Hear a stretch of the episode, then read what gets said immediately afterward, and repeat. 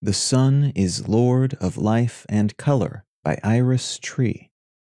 The sun is Lord of life and color, blood of the rose and hyacinth, hair of the sea and forests, crown of the cornfields, body of the hills.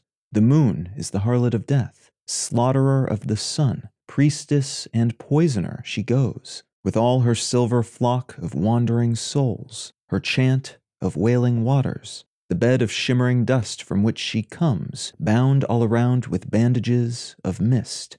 The living are as blossoms and fruit on the tree.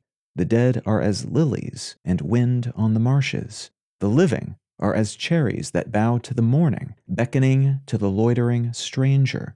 The wind to sing them his eerie ballads. The dead are as frozen skeleton branches, whereon the stillness perches like an owl. The dead are as snow on the cherry orchard.